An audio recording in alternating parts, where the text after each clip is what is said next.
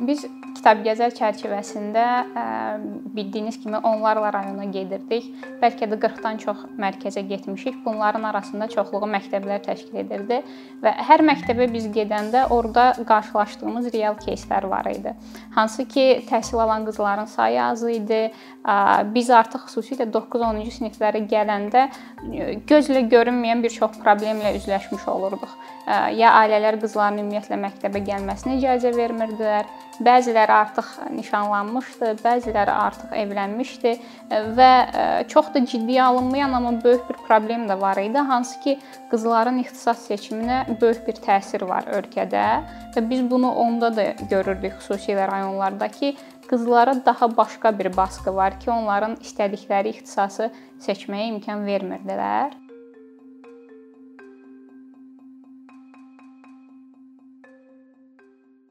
Amma xüsusilə yaşadığımız iki кейs var. Mən onlardan bəhs etmək istəyirəm. Bizim ilk keysimiz 2019-cu ildə Şəkinin bir kəndində qarşılaşdığımız qızla bağlıdır.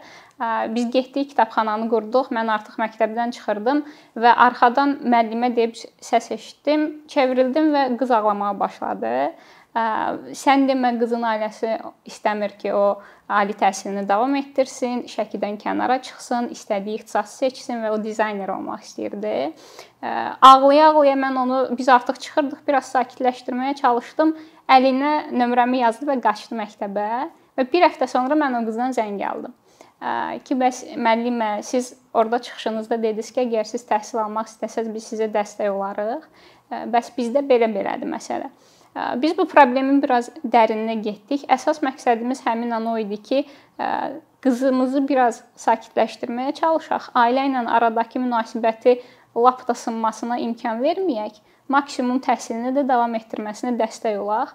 Beləliklə onun ilk ehtiyacı olan rəsm bacarığı çox yaxşıdır. Ləvazimatları göndərdik. Şəkidə olan nümayəndəmizi onların evinə göndərdik ki, yerli bir adamı görsünlər və bir güvən formalaşsın bizə qarşı. Beləliklə danışıqlar başladı və bu 2 il bu 2 il bu proses getdi. Hətta gərgin anlarda biz psixoloq cəlb etdik, həmin qızımızla danışsın, karyera seçimində, ixtisasa getməsində hamısını da yönləndirdik və bir neçə həftə əvvəl artıq o qızımız 1-ci kursa təhsilinə başladı Azərbaycan Dövlət Mədəniyyət və İncəsənət Universitetində. Artıq bizim 2 illik addım-addım işləməmizlə ailə də onu dəstək olmağa başladı. Biz onunla 2 gün əvvəl Bakıda da görüşmüşdük və bundan sonrakı prosesdə də dəstək olacağıq. İkinci bir кейs isə Tovuzun Sərhəd kəndindən olan məsələ idi. Burada məsələ daha həssas idi. Mən bir dostumdan mesaj aldım ki, Fatma Tovuzun bir kəndindən mənə gənc müəllimə yazıb, ağlıma sən gəldin ki, bəlkə kömək edə bilərsiniz. 7-ci sinifdə oxuyan bir qızı evləndirmək istəyirdilər. Mən özüm də Tovuzun Sərhəd kəndində təhsil almışam, amma bizim kənddə ən azından o yaşda o keyslər o qədər çox deyil. Bu mənim üçün də başqa bir şok idi əslində ki, gəldiyim rayonu mən göz ardı etmişəm sırf öz kəndimə görə. Başqa kəndlərdə vəziyyət daha ağır imiş.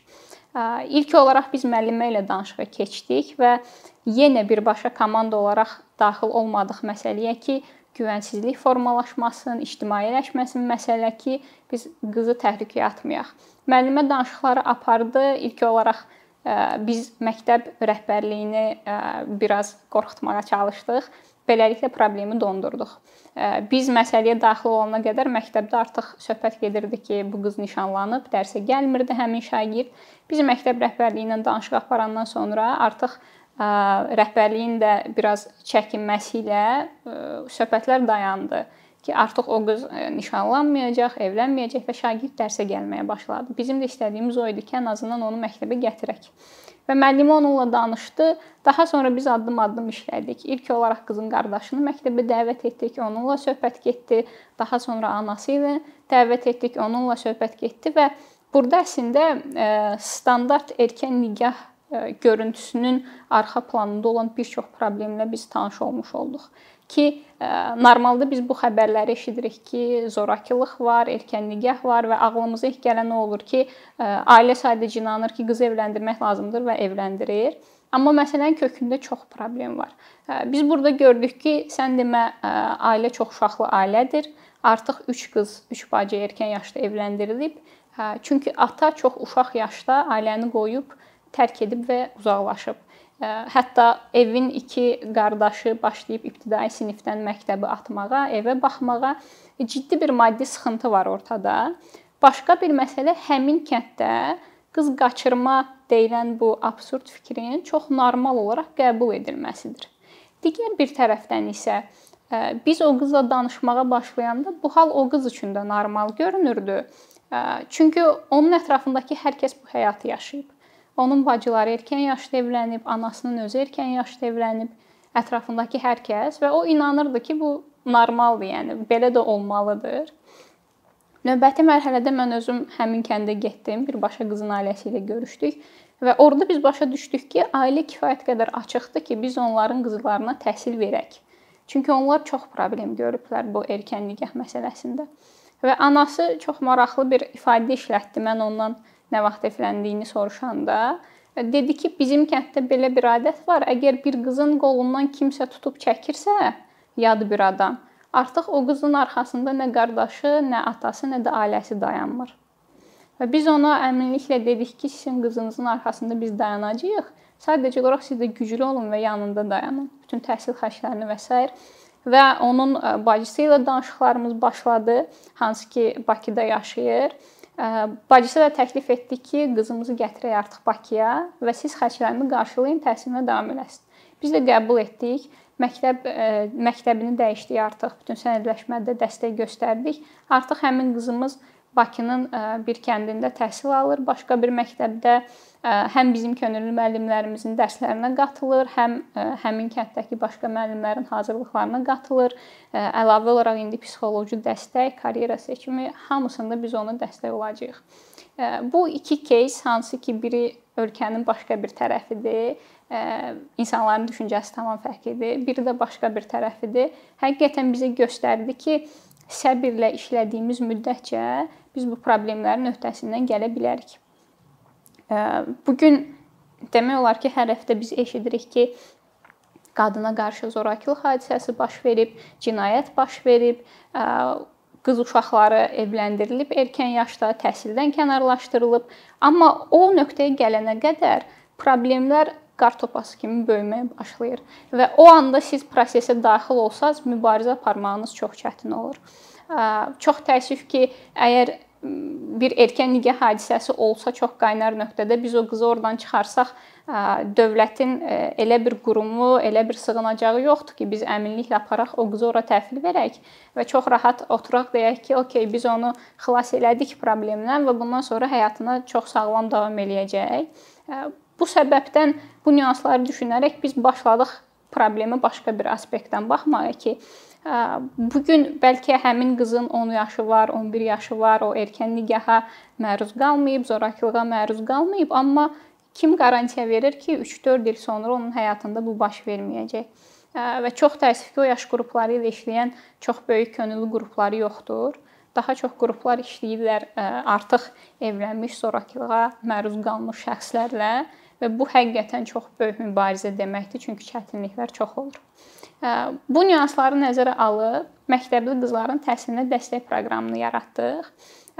İlk hədəfimiz bu il ərzində minimum 15, maksimum 25 nəfər qızımızın təhsilinə dəstək olmaqdır. Yaş aralığımız 13-17-dir. Xüsusilə bu yaş aralığını seçmişik ki, bu yaş aralığında qızları təhsildən daha çox kənarlaşdırırlar. Ondan çox rayon seçmişik və bu rayonları seçəndə də statistik göstəriciləri nəzərə almışıq. Hardakı erkən nikah hadisələri daha çoxdur, hardakı qadına qarşı zorakılıq daha çoxdur, qızların ali təhsil müəssisələrinə qəbul olma faizi daha aşağıdır. Bütün bu statistikaları nəzərə alıb o rayonları seçmişik və artıq elanlarımız verilib. İlkin qeydiyyat formalarını doldurub həmin qızlarımız və seçim mərhələsi davam edir.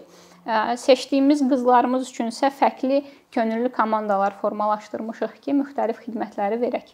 Həm onların məktəb ləvazimatları xərcləri qarşılanacaq, repetitor xərcləri qarşılanacaq.